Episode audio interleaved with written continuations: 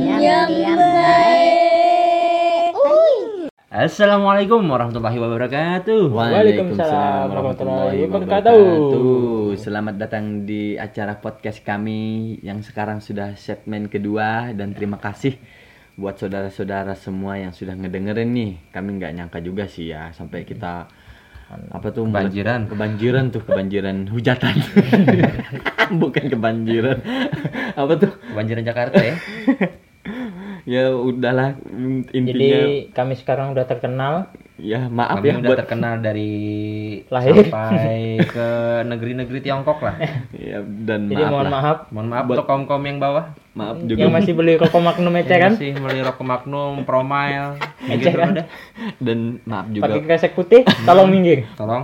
dan juga mohon maaf buat mantan karena kami sudah terkenal iya iya iya iya iya apa ya kalau sebutannya ya kalau misalnya kalau kayak Instagram kan selebgram ya kan Hmm. kalau Twitter kan Selepot, Twittergram. Twittergram eh bukan cowok Oh, terus seleb tweet. seleb tweet, Seleb tweet. kalau? YouTube kan youtuber Hmm. kalau Facebook? Facebook mah nggak ada cuy Facebooker. Facebooker. masak air ya biar Biar mata ayam. Hai Romla. kalau ya kalau sport ini apa ya Eh, Seleb. seleb. Spacebot. Bukan seleb, Pak. Salep. apa ya penyiar lah iya nggak Penyiar, tuh radio kan, penyiar sih. radio. Hmm. Nah, sekarang penyiar orang meninggal. semakin canggih. Oke lah, ini gimana nih kita pembahasan pada hari ini nih? Siapa nih yang mau cerita nih? Mungkin dari sampean dulu. Yo, ya udahlah kalau gitu. Ini betulan gue punya cerita, ya cukup serem lah. Pengalaman Nggak gue serem nih. lah. Serem apakah itu? Seram putih. Serem banget cuk, sumpah. Sampai apa tuh? Bulu kuduk gue tuh tidur cuk, nggak berdiri cuk. Ah, berarti tidak serem, Pak. Ya karena dia pingsan cuk, karena saking takutnya cuk. Jadi gini cuk, waktu itu gue kan ini pernah mondok nih ceritanya nih. Hmm. Di kubu. Mondok di mana, cuy, cuy? adalah salah satu kabupaten di Jawa Timur lah. Gue mondok dulu kalau kalau nggak salah sekitar gue kelas 1 SMP lah sampai kelas 2 lah. Cuma setahun setengah sih. Ya hitung-hitung mondok cuma belajar pakai sarung. Kelas kelas doang. kelas berapa? Kelas 1 SMP sampai kelas 2, cuy.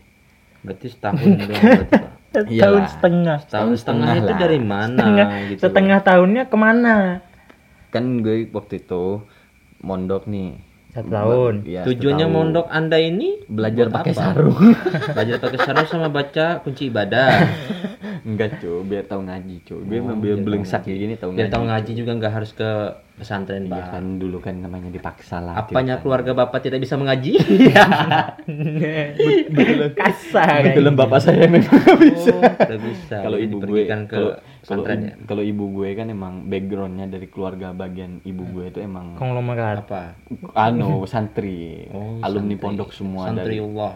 Ya Allah. Oh, bukan. Ah, bahan bahasan anda mau melenceng anda hati-hati takutnya didatengin ormas oke lah jadi intinya gini gue kebetulan di pondok gue itu salah satu pondok yang masih dibilang tradisional banget lah nggak kayak pondok-pondok sekarang yang masih Oh, yang udah lah. modern elit modern. gitu kok Masaknya kampung ma- elit. berarti masaknya masih pakai tungku. Iya cuy, masaknya sendiri cuy. Enggak anu cuy, nyuci aja, nyuci sendiri, masak Masak masak sendiri, sendiri, tidur, tidur tidur tidur sendiri. sendiri.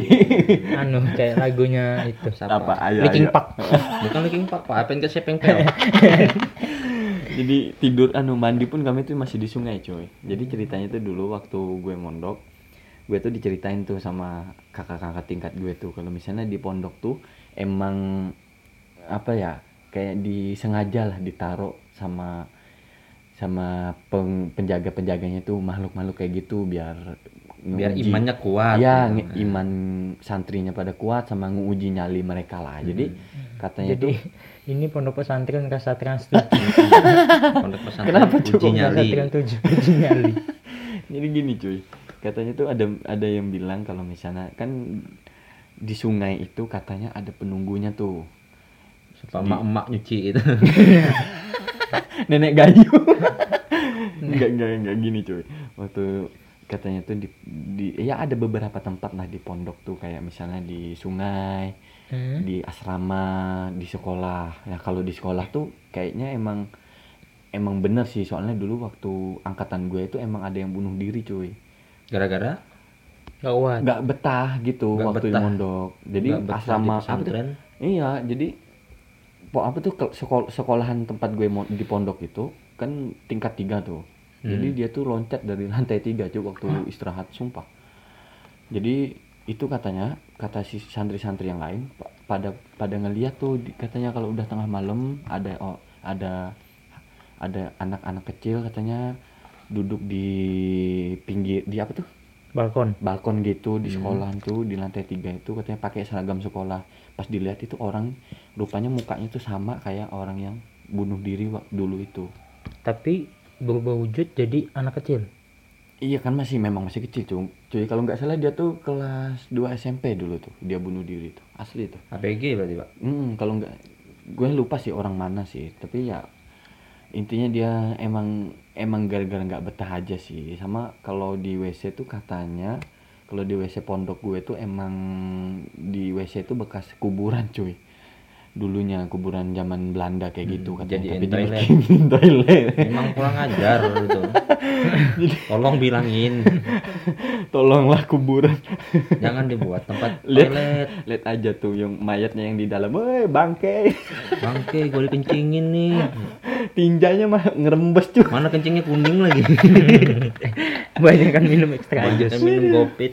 jadi sama ada juga cuy kalau di asrama tuh kalau di asrama tempat kami tinggal tuh kan di asrama tuh setiap kamarnya tuh dinamain per daerah kayak misalnya daerah A daerah B daerah E gitu jadi Ada orang kompleknya berarti. Iya, jadi misalnya lu dari daerah A, berarti lu tinggal di asra, di Di asrama. kamar A yang Hmm, itu. iya, iya, iya. Jadi setiap kamar itu katanya ada ada makhluk-makhluknya nih. Contohnya Penunggunya kayak gini ditaruh. nih. Iya. Contohnya kayak di kamar gue be- boleh sebutin nggak nih kayak nama daerahnya nih? Boleh, boleh. Boleh, boleh. Ya, kayak kamar Sumatera. Kamar Sumatera tuh di kalau mitosnya ada sosok kuda tapi bar setengah manusia tapi nggak punya kepala cuy Kuda, Set- setengah manusia tapi nggak punya kepala manusia Kuda, setengah headbang. kuda. iya ya manusia setengah kuda lah kayak gitu tapi dia nggak punya kepala cuy terus kalau di kamar ada dari ya provinsi Kalimantan Selatan atau Banjarmasin itu mitosnya itu ada anu ada cewek kalau kita lagi ngaca malam-malam. Jadi di kaca apa tuh cermin di kamar Banjar tuh emang dipecahin cuy. Soalnya banyak sih yang kejadian semi anu lagi sisiran malam-malam katanya ada bayangan cewek di belakang. Hmm. makanya sama anak-anak Banjarmasin itu dipecahin. Terus sama di kamar di depannya kamar Banjarmasin itu ada kamar anu daerah Madura. Jadi di kamar Madura itu katanya sosoknya itu pocong. Dulu ada waktu waktu kami pengajian nih. Jadi kan habis sholat isya itu kami tuh pengajian pengajian lagi tuh. Nggak langsung tidur gitu kan. Pengajian di di ke sekolahan lagi. Jadi ada salah satu santri yang alasan sakit. Padahal dia itu cuma bohong doang males doang kayak Pura-pura. gitu. Iya. Hmm. jadi waktu dia pura-pura kan anak-anak kan udah nggak ada di asrama lagi tuh. Jadi dia sendirian tuh di kamar. Katanya tuh dia tuh tidur.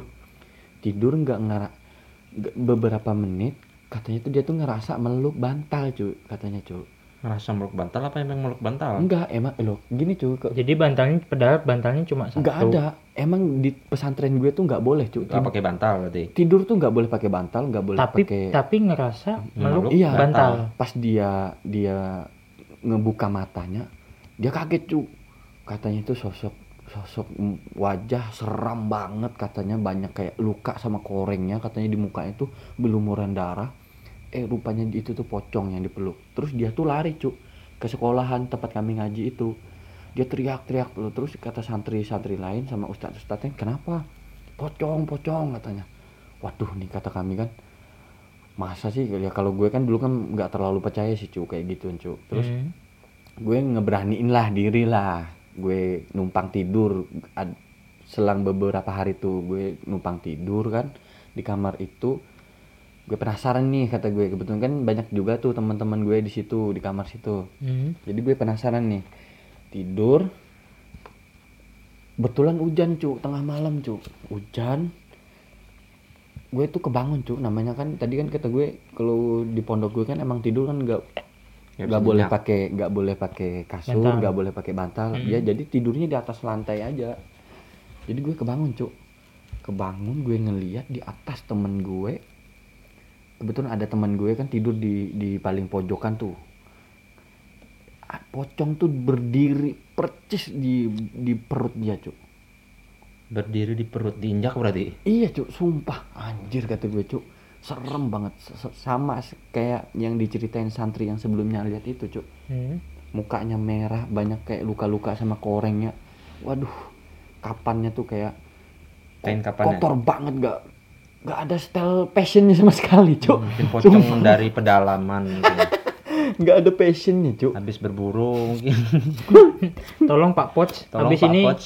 ke anu Ke Planet laundry Soup. deh dulu. ke ke Planet Shop ya beli beli baju kick denim atau Polkom, jadi gue tuh pas ngeliat cuk kaget cuk, gue teriak tapi nggak ada suaranya cuk, gue heran tuh kenapa ya? kata gue, gue teriak lagi sekuat kuatnya nggak ada suara sama sekali, kayak ibaratnya tuh so- kita tuh Emang Bisu, hukum bisu. alam kayak gitu, Pak. Mm, kayak bisu padahal kita tuh udah ber- berusaha buat teriak cuk, anjir kata gue, gue tutup mata gue lagi kan, hmm. gue buka masih ada, Cie, nggak kabur gitu. anjir. silup Bah. Jadi gue bacain ya anu kan ayat kursi apa. Gue buka lagi masih ada cuk. Anjir kata gue kan. Dia nggak nyaut, Pak. Enggak, sumpah malah gue tutup lagi cuk. Gue tutup, gue buka lagi. Dia masih di situ tapi pandangan mukanya tuh noleh ke gue. Bangsat gak lu? Jadi gue tuh langsung nendang temen gue di sebelah biar bangun, gue langsung dia langsung bangun kaget kan. Hmm. Kenapa kenapa katanya? Itu dan situ baru gue bisa ngomong cuk. Hantu hantu gue ngeliat pocong kata gue. Masa sih katanya? Iya sumpah gue dari tadi teriak kata gue. Tapi nggak ada keluar suara bangsat gak kata gue nih. Terus Allah kata anak-anak mustahil. Iya beneran kata gue. Gue nggak nggak ada ada kata gue. Hmm. Selang beberapa hari, minggu cuk ada adalah temen salah satu temen gue orang Banjarmasin kebetulan kan kata gue tadi kan kamar Banjarmasin sama kamar Madura itu kan adap-adapan nih Hmm. jadi ini kejadiannya pagi cuk asli pagi kan kami kan santri kan mandinya di sungai cuk jadi kalau udah sebelum jam sekolah tuh barengan mandi ke sungai kayak gitu kan pada apa tuh mandi cuma pakai sempak kan bahkan tuh kalau ada sarung orang yang jelek dirobek dijadiin sempak biar buat mandi kayak gitu kan Hmm. jadi waktu dia mau berangkat keluar dari kamarnya, dari kamar Banjarmasin, dia ngeliat Cuk, sosok pocong pagi-pagi loh. Dia teriak cuk, teriak lari ke sungai pocong pocong. Jadi santri yang lain tuh pada ngeliatin loh kenapa kan pagi-pagi gini masa sih ngeliat penampakan kayak gitu kan pocong pocong katanya. Loh terus dia tuh sambil nangis-nangis cuk. Lari ke sungai kami kejar kan. Kenapa kenapa? Pocong pocong katanya. Dia tuh tutup mata kayak gitu kan. Pocong pocong katanya. Lah mana kata kami? Orang udah pagi kayak gini kok. Pocong sumpah katanya. Pas dia buka matanya pas pas dia ngeliat juga masih ada tuh di sungai katanya. Hmm. Itu ikut dia. iya katanya cuk. Dia katanya dikejar cuk. Mungkin pengen mandi. masa sih kata gue kan iya cuy beneran katanya kan. Dia teriak terus terus kan. Pas dia lari cuy gak ja- sampai karena pocongnya tuh katanya masih ngikutin dia di sungai dia nggak nggak nggak jadi mandi cuy. Jadi dia dibawa ke kantor. Ditenangin kan dikasih ya dikasih air air kayak gitulah paham lah kan. Hmm. Kalau Indo- Indo- orang Indonesia kan. Jadi habis itu dia tuh nggak sadarkan diri cuy Hmm. selama tiga hari kalau nggak salah. Ingat gue tuh tiga hari Tiga hari. berarti tiga kayak hari cuy asli. tidur gitu. Nggak sadarin diri tapi sambil sambil kayak ngigo kayak gitu. Bilang pocong tolong tolong kayak gitu cuk. Bentar gue ny- nyulut rokok bentar cuk. Jadi pas pas dia sadar cuk badannya tuh panas banget.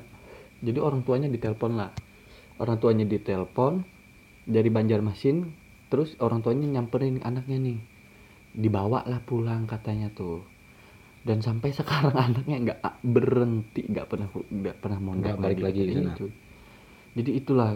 Terus ada juga yang kayak temen gue pernah ngeliat juga yang di yang di apa nih di di kamar Sumatera yang katanya kuda itu katanya emang ada katanya. Jadi gue karena gue udah pernah ngeliat kayak gitu kan jadi gue tuh mak- makin penasaran. Gue ta- tanya-tanyain eh rupanya bukan cuma gue aja sih yang pernah lihat rupanya banyak cuk. Dari 100 mah ibaratkan 100 santri itu 75% tuh pasti udah pernah ngeliat semua cuk. Emang terus gue nanya lah sama ustadznya kan iya emang di sini sebenarnya bekas makam katanya dulu. Dari sungai sampai ke asrama itu dulu katanya bekas makam Belanda. Cuma sama warga sini dibikin pesantren. Jadi dan lagi memang nggak sengaja dibuang diusir kayak gitu sama almarhum kiai kami itu. Karena menurut beliau itu itu sebagai ujian bagi santrinya cuy Oh iya. Hmm, bahkan yang lucunya cuk temen gue cuk lagi aduh buang air besar cuk lagi berak. Di WC di di sungai yang kata gue tadi bekas kuburan dia waktu berak katanya kepala dilinding di hadapannya. Cuk bangke gitu. Dia nggak cebok langsung lari. Dan itu pun sering katanya siswa yang anu. Masalahnya kan WC itu cuma ada di situ cuy di, di di asrama tuh nggak ada. Jadi ngelindingnya di dalam WC apa di luar WC?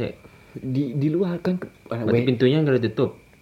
nggak ada pintu cuy WC cuy cuma cuma gini cuy WC pintu kan anu, apa tuh pintu kan tapi nggak ada la, anu pintunya cuma di depan tapi ada pintunya. Itu tapi ada pintunya. gini gini ini ini tempat kita nih misalnya kita jongkok nih di Hmm. hadapan kita nih plong tapi di depannya tuh ada ada tembok kayak gitu cuy tembok Tengah. iya jadi buat kalau misalnya kita naruh sarung kita atau Hmm. apa jadi kalau misalnya kita mau anu kalau misalnya di di tembok tuh ada sarung berarti di WC tuh ada, Ada orang. orangnya tandanya tuh kayak gitu doang jadi katanya tuh waktu waktu dia berak tuh ya kepala tuh gelinding ke depannya situ cu makanya dia langsung lari katanya tanpa cu- cuci dulu Nanti belancatan dong. iya cu sumpah itu Alah, siap bau. ya, belancatan nih. belancat Lecet. becek cu tapi ya pernah juga sih gue gue pas pas kuliah kan gue kan sekarang udah kuliah nih Jadi- Selesai dari mondok. Enggak kan gue kan cuma berhenti cuma mondok kan cuma setahun setengah cuy. Jadi kan lanjut SMP-nya kan di sini, SMA-nya di sini, terus gue sekarang kan udah kuliah di Semarang. Jadi dikatanya nih kan gue kan kontrak rumah nih. Hampir sama lah ceritanya sama lu. Katanya kontrakan gue yang lama dulu yang lu pernah tidur dulu. Mm-mm. Nah, dulu tuh katanya rumah itu tuh angker katanya. Tapi berhubung murah Oh yang kamu ngontrak barengan kemarin tuh. Heeh, jadi berhubung murah kan, ya udahlah gue gue mau mau bayarin lah kata gue kan. Terus kebetulan kan di depan tuh kan ada lapangan kan, lu ingat kan? Hmm. Nah jadi sebelum kami pindah itu, kami kan survei dulu. Jadi di depan tuh waktu sore itu ada anak-anak kecil bos, main main bola bos. Jadi anak-anak tuh pada nanyain kenapa, anu mas mau ngapain katanya. Ini dek mau survei kontrakan. Oh sampean mau ngontrak di sini mas katanya. Iya kata kataku kan. Hati-hati mas katanya kenapa?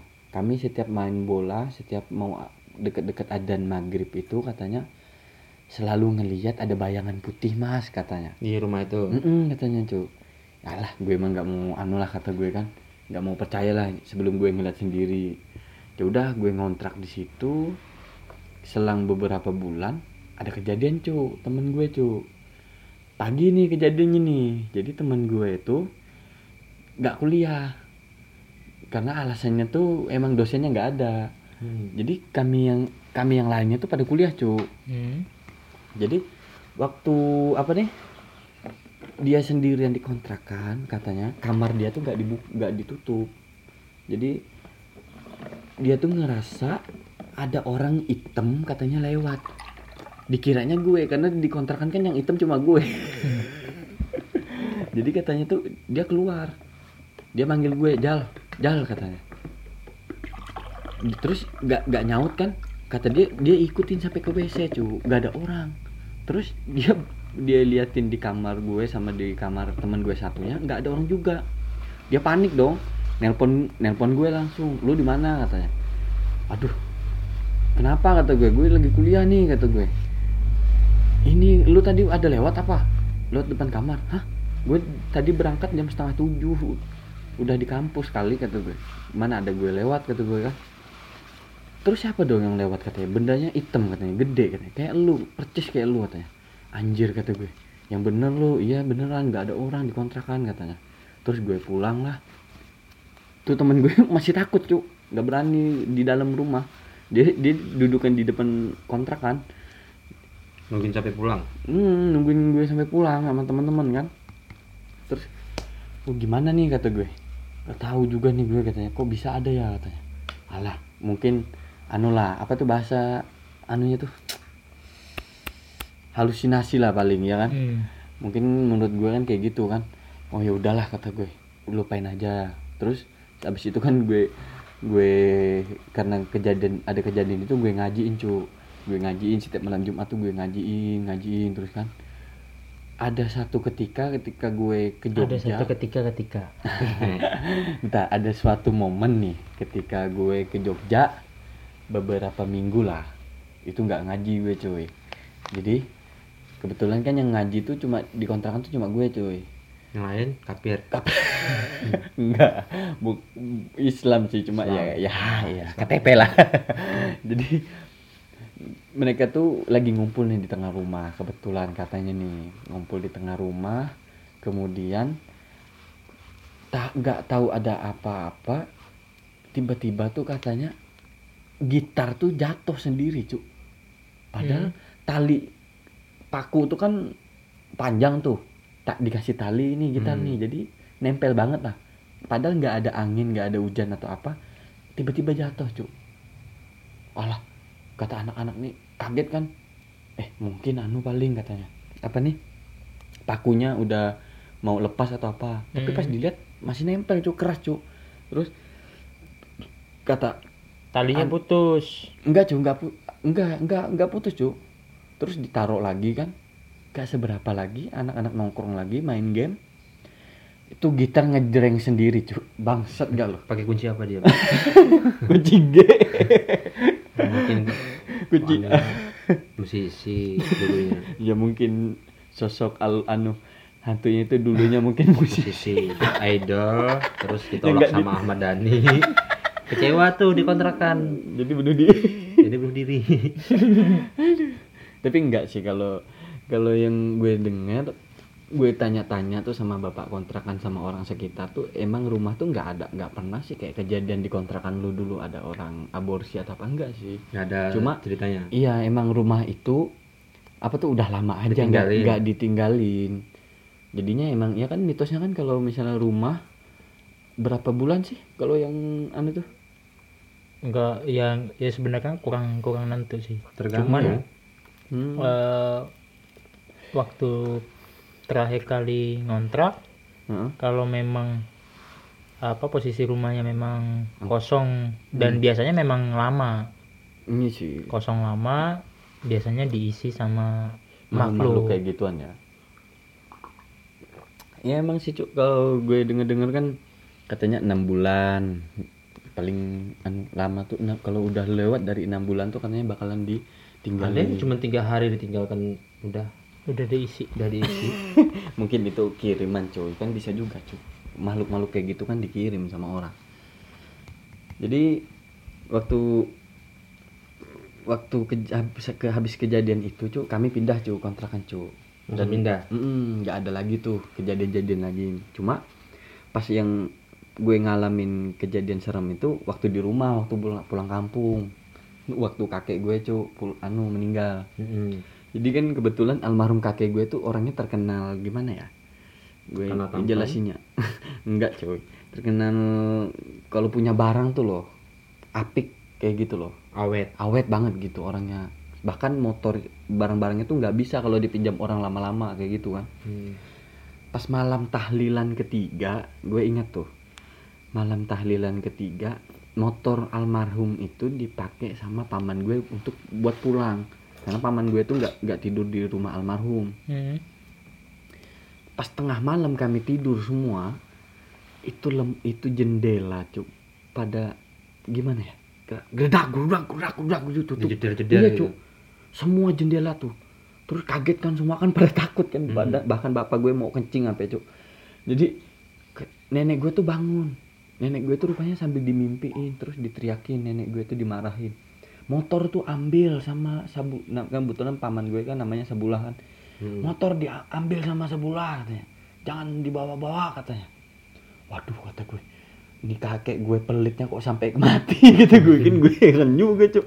Anjir kata gue kan. Langsung cuk ditelepon paman gue kan dibalikin. Habis itu udah nggak ada gangguan.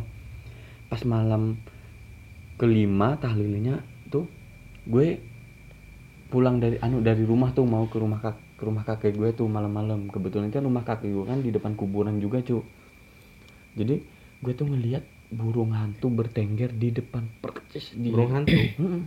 Di depan rumah kakek gue kan biasanya burung gagak tuh pak? Enggak cuy ini burung hantu cuy Ini limbat. mungkin oh iya iya, iya. jadi maaf. jadi Maaf. gitu emang kakek gue bisa ngomong anjir enggak gimana ya itu cuy gue nanya kan sama orang-orang pinter kayak gitulah sama ustadz ustadz gitu kan. Kata kata gue kok kayak gini sih? kata gue. Kok ada burung hantu? Ap- pertandanya apa sih? kata gue. Sebentar katanya. Kak emang kakek kamu meninggalnya kenapa? Sakit kata gue. Kan meninggal tuh ada anu nggak? katanya. Ada apa tuh? Ada mimpi-mimpi atau ada ketemu-ketemu apa gitu terus gue tanyain lah sama bapak gue kan mbak anu kakek dulu pernah cerita nggak kalau sebelum meninggal ada ketemu-temu atau mimpi-mimpi sesuatu? Ini ada yang nanya ini orang pinter kata gue apa tuh? katanya anu oh iya ada nih katanya kan. Terus bapak gue anu gue ajak lah ketemu tuh orang pinter. Terus kata bapak gue cerita kalau ba- bahwa kakek gue tuh sebenarnya sebelum meninggal tuh mimpi ngelihat anjing warna putih cuk Mm-mm. anjing warna putih katanya sama kakek gue itu di, di apa ya bahasa Indonesia ditumbak eh tombak Ditombak. ditombak cu pakai tombak Dimatiin berarti. Mm-mm, dimatiin lah terus darahnya tuh muncrat ke kakek gue cu katanya Mm-mm. oh terus kata orang pintarnya itu oh pantesan aja It- di saya ngelihat waktu pemakaman kakek kamu itu katanya ada anjing putih di sebelah kuburannya cu katanya cu Mm-mm. berarti itu sosoknya yang kakek kamu anu katanya. Tapi ya wallah alam sih gue kan ya namanya umur kita kan nggak tahu juga tuh. Betul, betul. jadi ya percaya nggak percaya sih. Cuma habis itu yang lucunya cu lucunya itu gue tuh disuruh tidur cu di sebelah kuburan kakek gue malamnya cu malam itu juga? Iya sendiri? Mm-mm. sendiri? Mm-mm. nyari angka gitu pak? Main sio enggak cu jadi di- ya takutnya ada pesan-pesan apa gitu kata orang pinternya dari kakek gue. Takutnya ada sesuatu yang belum kesampaian dari hajat beliau atau ada salah-salah beliau yang dia ingin minta maaf atau apa gitu sih. Mm-mm. jadi tapi ya namanya gue kan nggak berani tuh sendirian bangsat. Ya ya takutnya kan pas gue tidur eh eh bangun bangun subuh ayo masuk bilang sepi nih. Temenin temenin. Ini temenin dong ngopi. Jadi jadi gue nggak nggak berani cuy pakai dulu jajan bercandain ya nggak apa-apa lah. Kalau kalau orang mah gue bercandain mah. Orang Takutnya dilaporin. bercandain lagi mati. Nggak apa-apa lah. Kan puasa puasa kayak gini kan nggak bakalan anu negur kayak gue kan. Kata siapa? Oh lu. Jadi takut nih pulang bangke kan emang ya emang bener cuk ini kakek lu yang mana nih Jang? Hah? Yang kakek lu yang mana nih oh ini kakek gue yang dari bapak yang kemarin itu Mm-mm. eh yang dulu waktu gue Yang mana? anu yang pertama bukan yang kedua yang di rumah itu kan bukan Oh, yang bukan. dari- yang sini loh yang depan kuburan yang di sini bulan mana tuh sini nih di yang di jalan jalan kita mau pulang nih ah, ah. antarin dong oh, bangke lu. Iya ini cuk. Di sebelah percis di sebelah rumah Ayub kan di di sebelah rumah Ayub ini kan wah rumah lu kakek saya. tai ngomong. Aduh makanya saya kalau pulang dari bikin podcast ini saya selalu baca Yasin. Berarti sampean kemarin tidur di dekat sini iya kan du yang nggak di saya nggak nggak jadi cuk. Tidur di kontrak di apa tuh? Kontrakan di kuburannya cuk. Ngapain cuk? Takut banget dan lagi paman gue ini pi pernah ngeliat pi di sini pi di kuburan sini pi? Kapan tuh? Baru-baru aja. Baru-baru aja. Oh, bangke. sebelum tahun baru kemarin. Ini gue nggak bohong. Demi Allah nih kak paman gue sendiri nih yang cerita nih. Dia lewat sini terus kata paman gue paman gue kan habis pulang dari nongkrong main gaple lah. Hmm. jadi pulang katanya tuh ngeliat pas di depan kuburan sini ada orang duduk sekitar berempat main gitar tapi nggak ada kepalanya tuh sumpah paman gue sampai teriak-teriak. Itu di kuburan sini loh lu bayangin orang nongkrong nggak ada Nongkrong, main kepalanya gitar berempat gak ada kepalanya. Mana- ke mana tuh kepalanya Mungkin digadain mosing. ke mana lagi. mungkin Jadi kepala sahabat kayak gini ceritanya ini kan lagi bikin podcast di rumahnya Ayib. Nah, salah satu jalan akses untuk menuju ke rumah Ayib ini melewati kuburan yang saya ceritakan ini. Bagaimana kan nasib kami selanjutnya? Nah. Tunggu saja di episode nih Untuk sebelumnya. Rijal nih pulang sampai saya kan lewatin ini dulu. Kalau Ayub mah nggak usah Nggak langsung tidur. Hmm, bangke kan? Jadi kita Baru ngeh. kita tunggulah bagaimana besoknya ceritanya Lutfi apakah Mau jubilah yang menjalik lah. Ah, apakah akan melihat juga atau enggak? Tapi ya mudah-mudahan lah lu ngeliat. yang menjalik. Ya, Tapi gue penasaran sampai sekarang, cu. Itu kepala ke mana? ya mungkin lagi mosing. Beli minuman, nggak punya uang, kepalanya digadai. 50 pertama. Aduh. Tapi mukanya nggak kelihatan nih. Nggak ada ya. Kan nggak ada Nggak kepala. ada deh. Ya Allah. Apa? Eh, Ada pakai baju apa? Bajunya ya baju kaos biasa cu katanya. Gitarnya cu. gitar Yamaha apa gitar anu gitu kan. Keluaran siapa? Keluaran dari mana gitu. Merek gitarnya anu apa tuh? Nissan. Orang berempat main gitar di Tanpa kuburan kepala. tanpa kepala. Lu bayangin deh, paman gue ngebut kecep. Pokoknya nggak Padahal paman itu pengen jal nimbrung, apa tuh nimbrung tuh? ikut gabung mau nyanyi. Tapi dia kan punya sendiri kepala. Ya itu gue bingungnya gini juga tuh. Dia megang gitar tapi nggak punya kepala. Nyanyinya gimana bangsat? Ya nyanyi pakai Lu bayangin deh, dia nggak pu nggak punya kepala, tapi nongkrong sok-sokan nongkrong bawa gitar, tapi nggak punya nyanyinya gimana? Aduh, itulah udah nggak ada harga diri lagi. emang emang sih. Ya Allah, sorry sorry sorry, gue nge- Maaf. ngebecandain makhluk makhluk punten gih, kulo nun. Kulon nuwun Arab tumbas. jadi ya ya gimana gue ya sebenarnya bukan bukan kita aja sih yang bercandain makhluk-makhluk kayak gini lu lihat aja deh sekarang di Dia Instagram juga sering bercandain. Kita kok. Dia juga sering bercanda kita ngolok-ngolokin padahal kita kan nggak tahu. Eh nggak kena nggak kena. Canda sayang. tapi kan memang sekarang kayak gitu cu lu lihat deh sekarang tuh nggak ada harga dirinya cu anu cu Ya, untuk mami ini berharga lah dulu. lu lihat deh di Instagram banyak prank-prank pam- prank-prank yang apa tuh Prank. ngeprank bikin bikin dandan dandanan kayak pocong kayak gitu Mm. terus pocong anu yang dandan pocong nungguin terus yang yang pura-pura uji nyali baca-baca istighfar eh ujung-ujungnya malah ditendang diseleding emang nggak ada harga dirinya nangis tuh pocong sumpah Belum belum ketindihan lu belum tahu rasa. oh iya iya, iya ketindihan ya kalau bahasa apa ya bahasa Indonesia Ya ketindihan, apa ketindihan. sih Ya ketindihan. ketindihan tuh ketimpaan cuk. Iya ketindi. Ya, Iya ketindihan. memang itu bahasanya. Hmm, ya, ya udah deh kalau menurut gue cerita gue sampai si- di sini aja deh. Jadi Nggak- ceritanya Rizal nih ada sedikit untuk dibecandakan lah. Jadi ya mohon maaf bagi para pendengar. Pendengar-pendengar yang tidak bisa di maupun lihat. di dunia nyata maupun di dunia lain saya mohon maaf. Canda sayang hashtag canda sayang. Oke mungkin ada yang mau ditambahin nih buat dari kalian nih kawan-kawan. Karena durasinya udah pas nih kebetulan nih. Apa Jadi nih? eh, yang kayak yang kayak orang apa misal mitos-mitos yang masih dipercaya sama orang Mm, katanya mm, eh kalau ada orang meninggal mm, 40 hari setelah dia meninggal itu dia masih di gentayangan di rumah. Iya benar. Gentayangan Iya sih. stay di rumah masih. Stay di rumah masih. Nungguin ngeliatin anak-anaknya pada ngaji Ngedoain ngajiin enggak. enggak ngedoain enggak makanya bagi kalian yang misalnya orang tuanya ada yang udah meninggal atau kakek nenek atau buyutnya udah meninggal tolonglah didoain. Karena yang kalau nggak salah cuy kalau kata orang kita kan orang Kalimantan kan kita bisa ditegur juga kan? Apa ya bahasanya ya kepidaraan kepidaraan. kepidaraan. Kalau kata orang Kalimantan tuh kepidaraan. Jadi kita tuh kayak apa cuk? Ditegur ya? Iya, ditegur. ditegur. Saya- oh, pernah dejal tuh, ditegur aja. Ditegur, Ditegur sama, siapa tuh? Niklar Dila. Jadi pas ditegur tuh Kenapa lu, lu salah Disuruh- nyanyi lirik lagunya cuk? iya disuruh nyanyiin lagunya Apengit malah. Kok apa? Kan gak hafal tuh.